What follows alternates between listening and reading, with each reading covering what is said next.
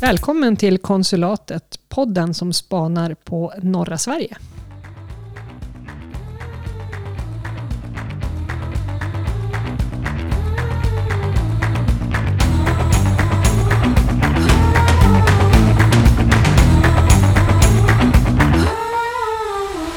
Jaha Bernt.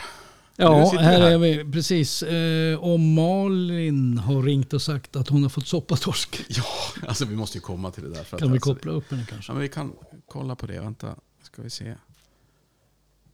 Malin, hörs? Hallå? Ja, tjena. Nej men jävlar, det låter som du är här. Helt fantastiskt. Men du, hur kom det sig att du fick soppatorsk? Nej, men jag har ju inte råd att tanka. Åh, Förstår hej. ni väl? Ja, ja. Nej, men, nej, alltså det är väl mer en mental soppatorsk kan vi väl, kan vi väl konstatera. Men, men helt klart är ju att vi, vi eh, befinner oss i en tid där vi har orimligt höga drivmedelspriser. Och det säger jag inte enbart i min roll som eh, ägare av ett åkeriföretag utan faktiskt mest som privatperson som bor på landsbygden. Vad kostar diesel nu då? Och soppan? Förlåt, vad- Vad kostar bensinen och dieseln? Eh, jag, jag, är ju, jag är mer av en dieseltjej så att då är vi ju på 19,70 tror jag vi var idag. Oj, oj. Ja, jag kör ju elbil så att... Jag, lite- vet ju ja, det Bernt, jag så. vet ju det. Men alltså, jag- jag tänker när man ska ha relativpriser. Ni, känner ni till det här med Big Mac-index? Jo. Nej. Ja, Big Mac-index. Jaha, Big Mac, ja, jo, det. jo, den är ju Mm. som kopplad för att hur ska vi jämföra köpkraft mellan länder? Och då, då, vad kostar en Big Mac? Och då kan man räkna om och, och se Mm. vad Mm. är någonting dyrt eller billigt. Det är ju som en himla tur att McDonalds priser inte fluktuerar med bränslepriserna för då, då skulle vi inte ha råd att äta heller. Nu, Alltså, nitt, över 19 spänn, det är ju som två starköl per mil. Alltså närmare 20 skulle jag nog säga till och med det. Så att det... Mm. Men alltså det är fruktansvärt om man tänker, alltså fruktansvärt mycket pengar om man tänker på de som pendlar eh, varje dag till och från jobb och allt det här. Ja, och sen bor på landsbygden. Ja men precis, och jag tänker också att det blir en klassfråga. För att det är väldigt lätt att säga, köp en elbil. Ja, det är inte så bara. För det första är den ganska dyr och för det andra så måste du göra vissa ingrepp hemma för att kunna ladda den på ett säkert sätt.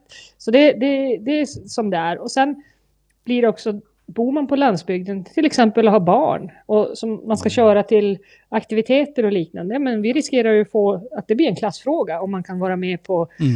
Scouterna eller spela handboll eller vad det nu må vara. För att vi har, vi har inte råd att köra det. Ja, men det, är ju Eh. helt, det är dessutom så att, att bor man i, i stan eller, eller har möjlighet att, att köra elbil eller så, då, då man ska ju handla också. Och det, bor du på landsbygden så är det ju inte det enklaste i världen att, att kunna ha bra tillgång på det som är avancerade livsmedel eller annat. Lanthandlaren har det inte lätt heller och, och då får man åka för att handla. Ja men precis och sen också så, så har man ju, om man säger pendlingsmässigt så tycker jag att eh, man har ju inte gjort någonting åt reseavdraget om man säger Nej. skattemässigt. Eh, det ligger kvar på 18,50 och det har det gjort sen om det var, alltså ni kan få rätta mig men det, det kan ha varit sedan 2007 eller 2008. Mm. Så att, alltså, och då ska, alltså 18,50 då ska det, in, det ska täcka in både drivmedlet och slitaget. Mm. Och. Idag, täck, idag, tä- idag täcker inte ens in drivmedlet.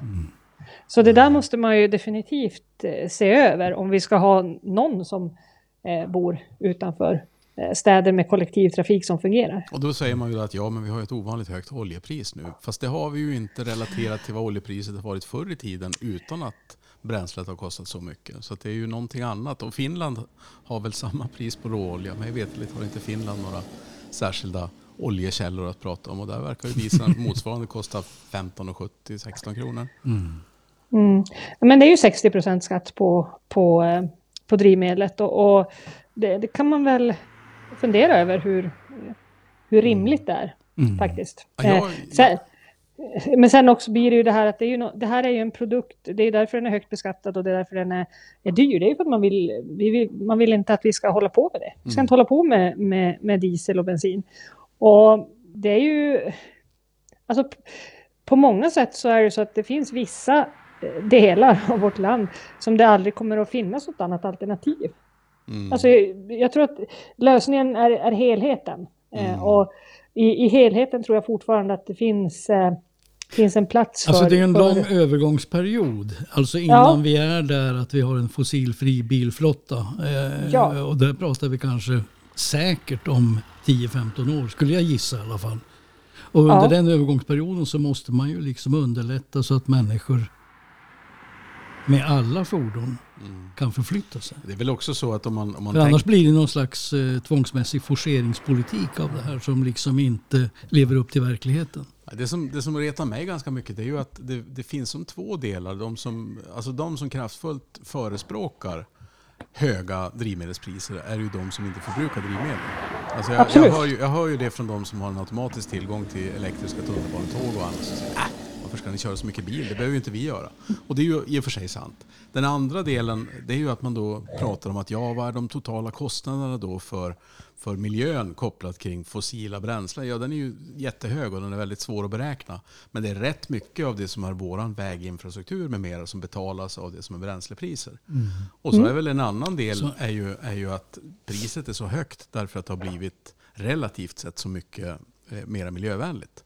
Vilket ju Ja, men- stick i stäv. Det är ju de här inblandningen av, av eh, fossilfria tillsatser i, i bränslet som, som, eh, som gör att priset har stigit eftersom det dessutom beskattas lika högt som vore det smutsiga Exakt. Och den, den här iblandningen kommer ju också, eh, alltså det, det som kallas för reduktionsplikten. Eh, reduktionsplikten kom, den ökar ju hela tiden, så den ska ju vara upp, jag tror att det, om det är nästa år, efter nästa år så ska den vara uppe över 30 procent. Mm. Eh, och det säger ju sig självt, då kommer det att gå ganska mycket. Eh, idag, I dagsläget så stoppar man i väldigt mycket HVO 100, man stoppar i lite raps och lite sånt här. Men, men det går ju jättemycket av det och det är ju dyrt. Mm. Ja, men och så sen så finns det ju dessutom en, en till effekt som ju är väldigt viktig för oss som lever i, i norra delen av Sverige. Och det, är- det är ju det att förutsättningen för att man ska kunna tillverka HVO 100 är ju att det ska finnas tillgång på det som är spillmaterial från, från det som är skogen. Och om det är så att själva drivmedlet, det är ju som en dubbel effekt på drivmedel för en timmerbil. Därför att den går ju tom i ena riktningen om man har räknat rätt på kartan. Så det är klart att då, då blir ju ett dyrare dieselpris, även om jag förstår att ni som är åkare har andra eh, priser på, på pumpen än vad, än vad vi har. Men lik förbaskat så är det klart att det här slår ju stenhårt mot prisbildningen. Det blir ännu dyrare med miljöbränsle. Ja, men visst är det ju så. Det blir ju indirekt också dyrare för, för konsumenten. För att eh, om man säger i, i, de... Det, det, det ligger ju ofta utanför i avtalsskrivningen, drivmedlet, när man, när man köper transporter. Just av den anledningen att vi kan ju inte skriva fast oss på ett dieselpris. Jag menar, hade vi skrivit fast oss på ett dieselpris som det såg ut i april förra året, Då hade ni Eh, gått i konkurs. då, då, hade, då hade vi varit i konkurs. Ja, Så är det. Det, det skiljer liksom fem kronor Oj. Det en. per liter. Men hörni, det där var ju en ovanligt lång och samhälls, Ja. Jag tänkte på- samhällsvetenskaplig koppling på Ja, varför du inte tänk- är här idag. Malin. Men vi, vi, vi, ska vi göra så här Malin att vi eh, kopplar ner dig en stund medan du tar och förflyttar dig från, vad var det, Kopparnäs, parkeringsplatsen och hem. Så, Stämmer. så Just kopplar vi det. upp det när du är hemma. Men vet ni- Så gör vi ett litet klipp. Alltså min dotter föddes på Kopparnäs hållplats i en ambulans. Så att varenda gång jag kör E4 till Piteå så tittar jag på Kopparnäs och tänker oj. Det, är Det här bra, var, det här var ett bra värst. ställe. Ja, jo men precis. Tyckte hon. Tyckte hon. Vi återkommer alldeles snart. Ska vi spela lite musik då? Ja, det gör vi. Ja. Och så kommer vi tillbaka.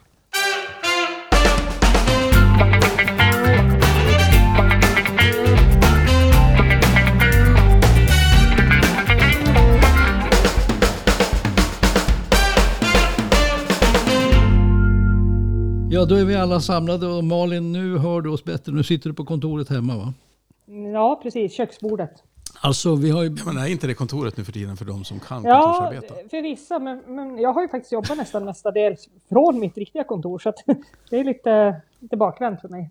Hörni, ska vi uppmärksamma att hela vä- världen har ögonen på norra Sverige just nu. Mm. Alltså att det händer så otroligt mycket här och, och alla jättestora investeringar som ska driva inflyttning och kompetens och allt vad det nu är och ett enormt behov av kapital. Alltså det finns ju inga liknande satsningar någonstans i världen. Och jag tänkte på en grej här. Kungen och Silvia, de var ju här och uppmärksammade våra städer i norr som fyllde 400 år. Just det. Men de passar ju på också naturligtvis att uppdatera sig om allt som pågår här uppe i Västerbotten och Norrbotten.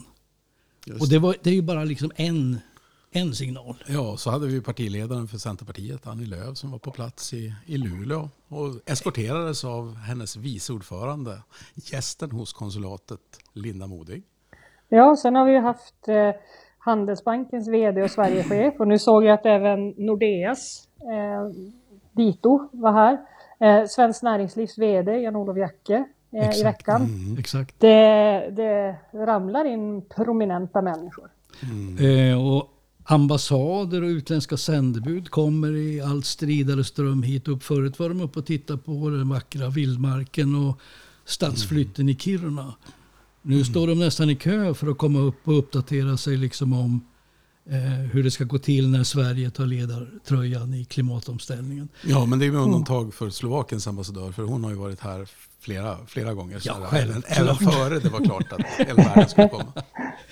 nu, nu, nu åker alla prominenta, de åker ut till, till Svartbyn och tittar på Eh, ingenting och så sen Ett åker gärde. de till exakt och så åker de till hybrid eh, och det är ju alltså det är superhäftigt. Ja. Jag, tycker, jag tycker det är så coolt. Och alla som är där och, och tittar, liksom, bara att vara innanför grindarna på, på SSAB och kolla på de här stora grejerna och stora maskinerna är ju ashäftigt jo, faktiskt. Och då ska man ju också veta det, vi, vi hade Polens ambassadör som kom till Skellefteå och tittade på Northvolt-etableringen och där, mm. där är det ju, det var ju tidigare som en, en skogsdunge. Mm. Eh, och så säger man här ska det bli någonting jättestort. Men det, man märker ju det att när man bygger de här industrierna, det är ju då man får ett begrepp av hur otroligt stort det är. Och då kan man ju bara föreställa sig hur mycket kraft som ska åtgå, hur mycket mm. effekt som, som ja, Jag har varit där och tittat. Alltså det är så gigantiskt stort så att man, även fast man är förberedd på att det här är stort, så mm. baxnar man nästan. Men jag tänkte på Northvolt här. Jag hörde att Northvolt får alltså ungefär 10 000 platsansökningar i månaden nu. De har 20 mm. personer på HR-avdelningen på Northvolt som sitter och jobbar med att hantera alla de här jobbansökningarna. Och det här måste ju bero på liksom det här med den ökade mediebevakningen, den ökade bevakningen, det liksom mm. växande snackisen om, om allt som pågår här uppe. Ja, och sen vad jag förstår, alltså, och det här är spontanansökningar. Eh, Exakt. Vad jag förstår så har samma, LKAB tror jag, om jag nu inte missminner mig, hade all time high i maj när det gäller spontanansökningar och var också uppe där på 10 000. Mm. Ja, det, det, är ju... det, det, det, är faktiskt rätt häftigt. Men jag noterar också att EU, EU-kommissionen, Europeiska investeringsbanken med flera, med flera som är knutna till Europasamarbetet, plus förstås alla banker, fondförvaltare, kreditinstitut. Alltså, det är ju liksom en satsning som drar till sig människor som jobbar med kapital. Därför mm. att det vi håller på med här uppe nu och ska göra kommer ju att bli extremt, extremt kapitalkrävande. Du, du, nämnde ju själv Malin, Handelsbankens vd har varit upp här. Och det är klart, bankerna vill vara med här och liksom bankerna kommer ju att spela en nyckelroll i den här mm. Eh, omställningen. Ja, men det kommer de att göra. Och det, sen tänker man någonstans till. Men det ena är ju bara magnituden. Alltså, när, man hör med, när man hör sig själv säga tusen miljarder så är det klart att mm. man har ju som inte ett begrepp om... Alltså, nu använder vi inte kontanter något mer, va? men, men vilka, vilka, vilka höjder på sedelhögarna om man skulle som tänka sig tusen miljarder. Mm. Men det är ju också det här att det är så uppenbart att i norra Sverige så, så leder vi det som är den systematiska, kraftfulla, industriella omvandlingen mot ett grönare samhälle. Mm. Och det tror jag lockar andra eh, människor att vilja vara med än de som bara traditionellt sett går igång på stora maskiner och, och, och jättelika anläggningar. Ja, jag tror många människor vill liksom attraheras av de här tankarna på det du beskriver nu. Alltså många människor vill vara med om det här. Alltså det är spännande kanske att det är spännande att åka hit och få vara på plats och vad ska man säga? Eh, det låter lite svulstigt, men vara med och jobba, bidra till en bättre värld. Mm. Alltså, ja, det är lite kunna så. säga att jag var, jag var med och skapade fossilfritt ja. stål. Ja, det blir som de första som la räls här uppe. Mm. Mm.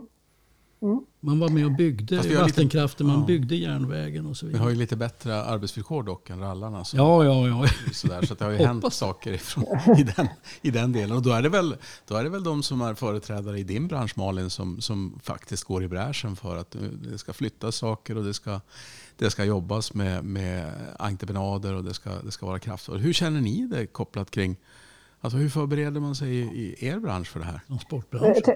Du tänker hållbarhetsmässigt, fossilfrihetsmässigt, så, ja.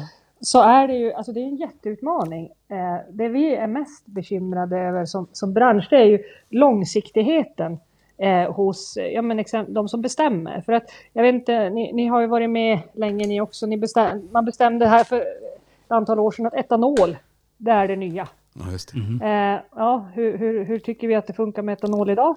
Ja, ja det, dricks de... ju, det dricks ju fortfarande en hel del ja, etanol i precis. form av vin och öl och, och annat. Men, men tittar man då på att, att du ska köpa en, en, en lastbil, så då har du en investering på kanske ja, jag skulle säga kanske tre miljoner, mm. tre och en halv. Det är ju ingenting som du räknar av på kanske på, ja, en del gör det på, på tre år, en del gör det på fem år, men de flesta kanske lägger dem på åtta år. Mm. Ja, och då måste du då veta att det drivmedlet som idag är vad ska man säga, gångbart hållbarhetsmässigt, att jag kan tanka det om två år eller tre mm. år. Eh, och det är där vi, det finns en ganska stor osäkerhet. Sen Sen när det gäller liksom, många tror ju att transportnäringen är, är avbokt inställd till det här och det är ju absolut inte så. Vi vill ju vara med. Mm. Eh, ge oss förutsättningar. Eh, vi, vill, vi vill vara med och hjälpa till och dra vårat stå till stacken. Eh, och el, man pratar ju el också mycket och det har man ju sagt tidigare också att nej, men det är omöjligt att kunna ha, göra man säger, de långa transporterna på el. För att batterierna är så stora och tunga så du får ett problem med nyttolasten. Mm. Alltså jag menar, eh, väger, är batteri, halva bilen väger batterier då, då har du ju som transportarbetet blir ju inte så bra. Mm. Eh, men nu har man ju då som lite smart tänkt ut att men just det, Eh, på grund av kör och vilotidsreglerna får du aldrig köra längre än fyra timmar i sträck. Så då kan du stanna och ladda? Ja, precis. Exakt. Mm. Men då måste du kunna ladda det där batteriet ganska snabbt. du måste ha en snabbladdare. Exakt, du kan inte stå där i flera timmar. Utan mm. du, kanske, du kanske kan stå där i en kvart eller i en 45. Mm. Och, då må, och då eh. måste man ha effekt för att kunna ja. hantera detta. För det är klart att det är ju inte, man fixar inte med en liten laddare om det är en, ett Nej. stort lastfordon som ska till. Och då räcker det kanske inte med 150-175 kilowatt utan då är det 500 Exakt. eller 1000 kilowatt kanske. Exakt, så att, men, men liksom, det, det händer jättemycket i våran näring kopplat till det här. men jag antar att ni, Malin, Malin, också i er bransch eh, jobbar ni väl med lobbyister?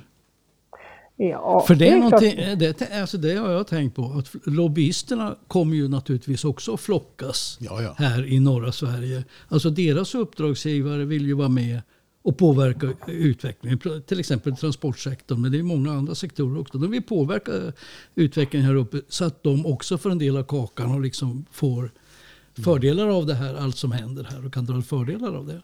Mm. Ja men alltså det är ju så, givetvis. Det finns ju ett eh, LOI mellan mellan Kaunis och eh, Volvo gällande eh, eldrivna transporter. Mm, just det. Eh, och det och då, ju... då, ska vi vara snabba här och säga att ett LOI det betyder letter of intent på, på det vackra språket engelska. Som betyder av, på svenska? Avsiktsförklaring. Exakt.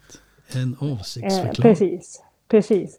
Så att eh, jag menar det, det, är klart och det är ju resultatet av, ett, av att Volvo är smarta. Just det. Men nu ska vi se, ja. Kaunis, det, det, var det där stället med många anställda som Naturvårdsverket vill stänga va? Mm. Är det inte så? Ja. Exakt. är du hemma nu Malin? Exakt. jag, jag, är hemma nu och även, det kan även vara så att eh, det dyker upp andra människor här så jag tror att jag tar och förflyttar mig lite grann. Det var, bättre, det var nog, det var nog enklare när du var på parkeringen.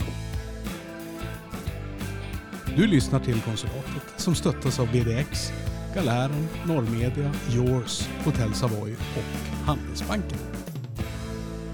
Och ögonen riktas mot, mot Norrbotten. Det, eh, det, är ju där att Dagens Nyheter, Dagens Industri till exempel, ska sätta upp redaktioner här uppe och förstärka bevakningen i norr. Och jag tror vi ska räkna med att alla medier eh, större medier, både eh, svenska medier, internationella nyhetsbyråer och andra. Vi ska räkna med att de kommer också komma hit. Mm. Alltså norra Sverige är en medial sockerbit. Ja, men visst är det så. Och vilket de naturligtvis borde ha upptäckt mycket tidigare. Så är det men, men det är ju det är klart att där finns det ju redan ganska mycket media på plats eh, redan, redan innan så att säga. Sveriges Radio och Sveriges Television har ju, har ju stora redaktioner och sen har vi Norrmedia som, som naturligtvis är, är oerhört verksam med fokus här uppe. Men det är klart att jag är lite orolig för att, att man kommer hit med, med safarihatt på. Alltså att, det, att det blir mm. som så här att jo, men vi har, vi har, eh, Riksmedia har ett antal utrikeskorrespondenter, en av dem finns i Luleå. Alltså det, det är väl det här som, som, som kanske oroar mig lite grann. Att det, det finns en, det finns eh, det finns en, inte en medaljens baksida, men det gäller att vi ska vara oerhört med och se till att vi knyter ihop oss med inte bara övriga Sverige utan övriga världen. Mm. Det tror jag är nyckeln. Jag tänker att det beror också väldigt mycket på hur man, eh, vad man rekryterar för typ av reportrar också. Mm. Eh, så då, då rekryterar vi reportrar från, från norra Sverige till de här redaktionerna så, så kommer det antagligen inte att bli, tror jag, den här utrikeskorre-känslan. Eh, då, då har man den, den kunskapen och jag, jag tror att det finns eh, gott om bra kompetens att, eh, att ta till de tjänsterna. Det tror jag definitivt. Mm. Alltså, utländsk press skriver ju otroligt mycket nu om, om allting som händer här uppe. Och, och tidigare så skrev de ju mera sporadiskt. Mamma, det var ju mera liksom eh, turistreportage och Kiruna stadsflytt. Och, ja, och sen har ju utländska medier på senaste året uppmärksammat hur uselt Sverige har hanterat pandemin. Mm. Men nu skriver ju alla de här medierna ännu större rubriker om det som händer där uppe. Det är New York Times, det är Financial Times, det är Wall Street Journal, det är Independent, China News, Le Monde, Le Pen. Eh, mm. Jag kanske inte just Le Pen. La Gazzetta. El, El País. El País. Tänkte jag på, den spanska tidningen. Nej men alltså alla skriver nu om det som sker här uppe. Ja, det, är en, fascinerande. Ja, och det, det, är väl också lite grann, det känns ju som att, att på något sätt kan vi få vårt samhälle att kunna följa med. Vi har ju haft, tycker jag, framgångsrik lansering av, av våran plats här uppe eh, så som ett exotiskt turistmål. Mm. Med, med allting från Ice Hotel i, i en begynnelse till, till det som har varit jag menar, allt från hundsafari och norrskens turism och så här. Men när vi nu etablerar oss på, på riktigt i, i den industriella omvandlingen då ser man ju också eh, Norrbotten, Västerbotten som en mer komplett plats. Det är inte bara någon eh, det är inte bara någon ödemark som man kan sätta på en bucketlist att man har besökt. Utan här händer saker och ting. Och det märker man ju också med Arktis. Mm. Jag menar, hela, hela detta med, med förändrade transportrutter, detta med Kinas önskemål om att komma närmare Europa. Det är klart att då, då blir vi i Arktis helt plötsligt inte långt bort utan tvärt väldigt nära. Väldigt nära. Mm. Mm. Men det är ja. mycket, alltså som vi har pratat om tidigare, eh, det, det, är ju liksom, plötsligt får vi ett väldigt, vad ska man säga, bra plötsligt så kommer det ett fantastiskt bra läge där vi får den här uppmärksamheten som vi har drömt om så länge. Alltså som landsdel, som landsända. Men då gäller det liksom att knyta ihop säcken här också. Alltså att vi inte liksom in, återfaller i någon slags gammalt eh, missbruksbeteende där vi drar åt olika håll. Mm. Olika kommuner jobbar åt, åt varsitt håll. Kommuner, regionerna drar åt andra håll. Näringsliv och olika branscher drar åt varsina håll. Utan här måste ju nu allting måste synkas ihop. Mm. Jag tror det är oerhört viktigt när vi ska fixa bostadsfrågan, försörjningsfrågan, kompetensförsörjningen. Men överhuvudtaget så måste ju allting måste gå mycket, mycket fortare. Exakt. Alla processer måste gå mycket, mycket fortare om vi ska vara med. Mm. För att alltså, det, kan, alltså, näringslivet tuffar på och det går rasande fort. Men varken politiken eller om man då säger det kommunala på tjänstemannasidan, det regionala, de häng, det hänger inte med. Mm. Och det blir en bromskloss som vi, vi har inte råd med det. Utan givetvis får man ju ta hänsyn till att det finns eh, lagar och det finns eh, processer som man måste liksom, genomgå. Men jag tror att det finns väldigt mycket som går att göra oerhört mycket snabbare och effektivare. Och måste göra snabbare och mer effektivt. Det finns ju en, en sån del, om man nu tittar på detta med samhällsomvandlingen. Eh, vi gjorde ju en samhällsomvandling för, för år sedan. Alltså med skapandet av mönsterstaden Kiruna som, som ett, tydligt, ett tydligt exempel. Mm, mm. Och en samhällsomvandling för 400 år sedan när, när de här kustkommunerna då fick sina stadsrättigheter. Men Och när vi hade den första stadsflytten, det var ju inte Kiruna som var först, det var ju Luleå som var först. Så, så skulle man ju kunna säga. Och är man från Piteå så kan man väl titta på Öjebyn också som ett exempel på en, en Oh, yes. gammal stad som flyttat på sig lite grann. Men jag, jag tänker att det, det som är den stora förändringen som vi ser nu det är ju att kraven ökar på ett, på ett oerhört tydligt sätt. Har vi, vi har haft väldigt mycket bruksmentalitet får man väl säga i Norrbotten. Kanske lite på gott och ont. Och i Västerbotten så har man inte haft det på samma sätt. Det har inte funnits samma tydliga koppling till en enda arbetsplats. Även om stora företag också naturligtvis har funnits i Västerbotten. Men när vi nu ska ha konkurrens om folk. När tidigare företag som, som med enkelhet kunde få eh, vem som helst att vilja jobba åt företaget så är man nu i en konkurrens. Och här är det så spännande tycker jag att se de nya industrierna. Alltså vilken fräschör som H2 Green Steel eh, hur, de, hur de på något sätt tänder hoppets eh, ljussken i, i människor. Att man verkligen vill gå med och göra någonting nytt från början. Eller Northvolt som ett exempel. Och jag tycker det är ganska imponerande när man ser hur, hur då de, de etablerade företagen dels hänger på och, och också driver utveckling i hybrid och, och annat. Men, men också vill vara tillsammans med de här nya. För vi har ju två, två stycken begrepp nu. Det ena är ju etablering. Boden, Skellefteå. Då är det ju banbrytande teknik och helt nya investeringar. Och så sen så har vi expansionskommuner i form av Kiruna, Gällivare, Luleå.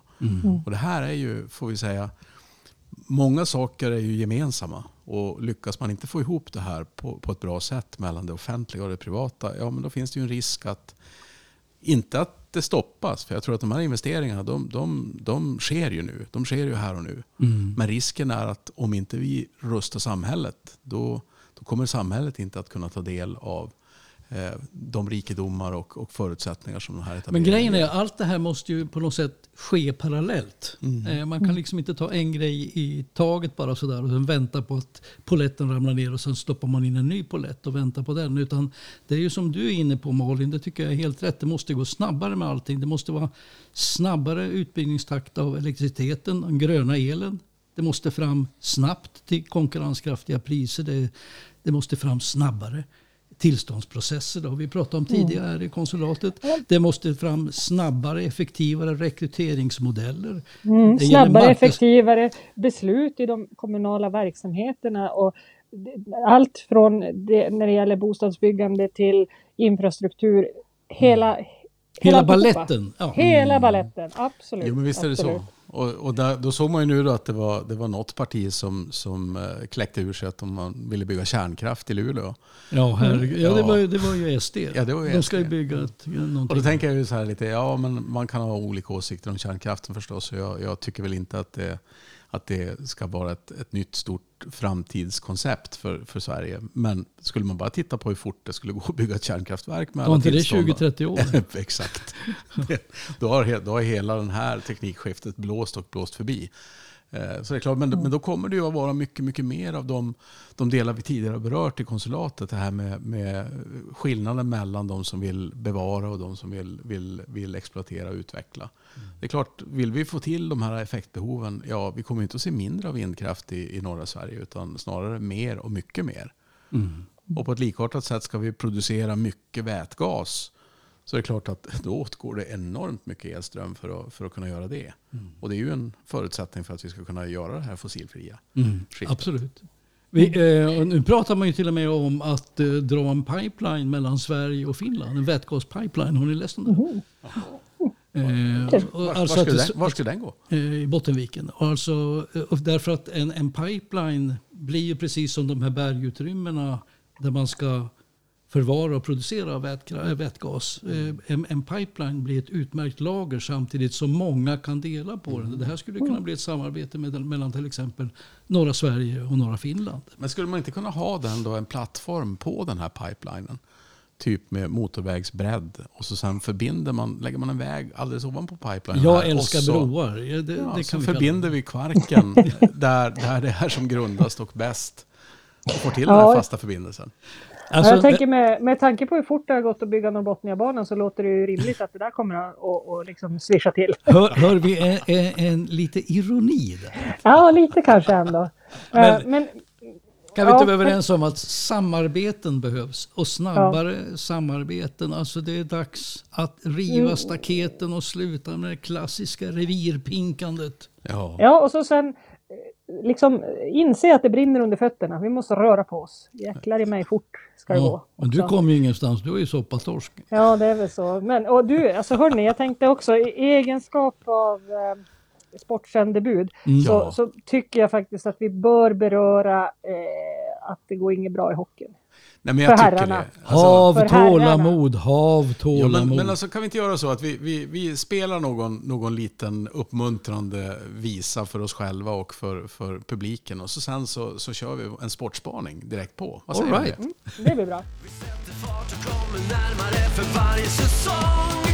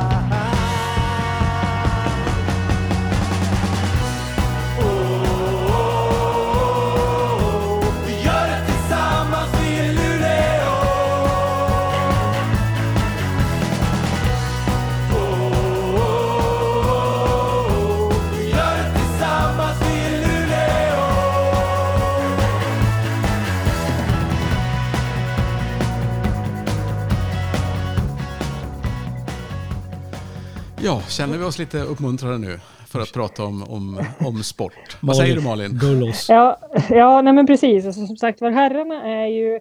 ehm, det, det känns ju lite tungrott. Eh, Nu har det ju inte gått supermånga omgångar, men fansen har eh, visat sitt missnöje eh, på mer och mindre bra sätt kan man väl eh, konstatera. Eh, såg på Twitter igår att eh, Linus Omark, han hade fått ett vykort hem till sig med, med ganska Ja, det var väl, jag kan inte tänka mig att det egentligen är ett fan som, som gör så, för jag vet inte, jag skulle inte... Nej. Eh, Skriv om dumma saker. Nej, alltså är man ett fan så, så då är det ju i med och motgång. För det är lite grann som ett äktenskap. Mm. Eh, man, man, ibland så går det jättebra, ibland går det mindre bra. Men, eh, men om man då säger att vad som går jättebra så är det ju damerna, de överpresterar ju. Överlevererar. Med tanke på att de har gjort ganska stora spelartapp. Nu pratar man ju om att det kanske går att lösa något korttidskontrakt med Emma Nordin. Vilket eh, är positivt. Eh, och så har vi lite annat att se fram emot, eller hur? Men jag, eh, apropå vad du säger tänkte jag bara på en sak. Jag, jag har inte sett någon av, av damernas matcher. Men jag har hört från några vänner som har varit och sett dem. Att de här vinsterna de har haft, det har de i regel fixat de sista 5-10 minuterna. Att de har, spelet har inte funkat över, sett över hela matchen. Men de har liksom knutit ihop säcken på något sätt i, sätt i sista perioden. Jag vet inte alls om detta stämmer men Det, det kan ju också eh, tyda på att de är väldigt väl eh, tränade. Aha, Alltså att man, att, att man, or, man, precis, man orkar hålla i hela matchen och det kan jag mycket väl tänka nu försvann du Malin. mig. Du, försvann. Du kan mycket väl tänka dig det hörde vi. Jo, precis, jag kan mycket väl tänka mig det för att Jenny Hirikoski, våran backstjärna i, i Luleå Hockey, eh, hon är ju till, även fystränare för laget. Mm. Och det är ju, det är ju ett fysmonster. Ja. Ja, Hon är ett fysmonster. hon är ett fysmonster och eh, har hon eh, liksom klonat ner det på sina lagkamrater så då, då är det i tredje perioden det avgörs. Men, Och vad, i vilket landslag spelar Hirikoski? Hirikoski, hon är, ja det låter, det hör du ju. Det är klart att hon är från Finland. Är Finland Eh. med i det här OS-kvalet som ska spelas i Luleå nu i Coop Arena? Osäker. Jag vet att det finns att det är ett, lag eller ett land väldigt närstående dig Jonas som, som är Jo, med där. Slovakien är med. Slovakien är med, självklart. Och- Frankrike och nu, är med, det vet jag. Sverige Ja, förstås. Frankrike har ingen närmare Sen anknytning. är det något lag som heter Q4 eller någonting. Jag vet inte vad det är, om det är Kuwait. Eh, det är kan, Q8. eh, kan, kanske, ja, jag vet inte om det är eh, Ryssland kanske. Ja, just det. Det kanske... Ja, ja, ja. Det kan... eh, kan vara. Men, men Jonas, när Slovakien kommer nu då så här i, Mm. i OS-kvals eh, ärenden, Mm. blir du i egenskap av konsul då eh, liksom tillfrågad att representera eller att eh, föra den slovakiska flaggan högt på Alltså matcherna? jag, jag har ju stora förväntningar att, att så är fallet. Jag har ju laddat upp med slovakiska flaggor. Nu, nu har ju inte vi, mig veterligen, haft något OS-kval tidigare i Luleå. Men, men vi, vi tänker ladda upp med, med både lite slovakisk mat och dryck och, och flagga. Så att vi, vi får... När, Och när matchen spelar. Och hejaramsor. Vi ska försöka lära oss det, hur det ska gå till. Men om, om vi bara stannar kvar i hockey lite grann. Eh, har du följt Skellefteå någonting då i, i de här omgångarna? Eller? Ja, eh, det är ju svårt att undgå. Mm. Så, så är det ju, absolut. Men det sa jag redan inför. Att, eh, det, de är luriga. Pass upp. Aldrig, ja, pass upp. Precis. Mm, Nu, nu som sagt var, man brukar ju säga tio omgångar, då ser man tendenser. Mm. Eh, om man ska tro de gamla hockeyrävarna. Så vi har ju några omgångar kvar innan vi kan... Alltså vi snackar om en serie som är 52 matcher och vi har spelat fyra. Och även om, om Luleå Hockey inte har gått något bra i början så vi kan ju inte sänka dem. Jag tycker det är fel. Jag tycker man ska ha tålamod, åtminstone som du säger tio matcher. Ja, och så så tror det jag de tänker det- inom laget också. Absolut, och sen är det ju så här också att det är man har tappat en hel del spelare, alltså kulturbärare. Man tänker, Mm. man ska inte underskatta vad Niklas Olausson och, och Kalle Fabricius gör för en grupp. Och sen har man tappat Ja. spets i form av Nisse Lundqvist. Så att det är klart att eh, det tar ett tag för, för spelarna att hitta sina nya roller, både i omklädningsrummet och på isen. Så att det, ja, jag känner ändå att, äh, ge det lite tid. Mm. Men vi kan, vi kan se till här från konsulatets sida att eh, eh, spela in ett antal ramser precis när, när Slovakien-matchen kommer så att våra trogna lyssnare av konsulatet kan heja på slovakiska. Så då kanske du får eh, lägga ut någon liten film på våran Facebook där du eh, kör några liksom sassa, brassa, mandelmassa fast på slovakiska. Och sen skulle jag gärna vilja veta det där med den slovakiska maten som ni laddar upp med. Är det korvar eller vad är det för Nej, men alltså, det, det är en, den absolut, min absoluta favoriträtt som är en av slovakernas eh, eh, nationalrätter. Den, den, den heter haluski. Okej. Och det är en sån här eh, gnocchi gjord på potatis. Eh, som- Gnocchi är väl gjord på potatis? Jo, jo, men, men mer potatis än vad, en mjöl. om vi så säger. All right. Och, så sen så, och, och innan du nu kommer med någonting mer så, så är det så att den, den serveras då med en sås gjord på getost. Åh, vad gott. Och, men det är en skarp smak på getosten som, som inte, alltså det, det är en speciell slovakisk getost. Och så sen enormt knaperstekt bacon eller sidfläsk på toppen och en kraftfull öl.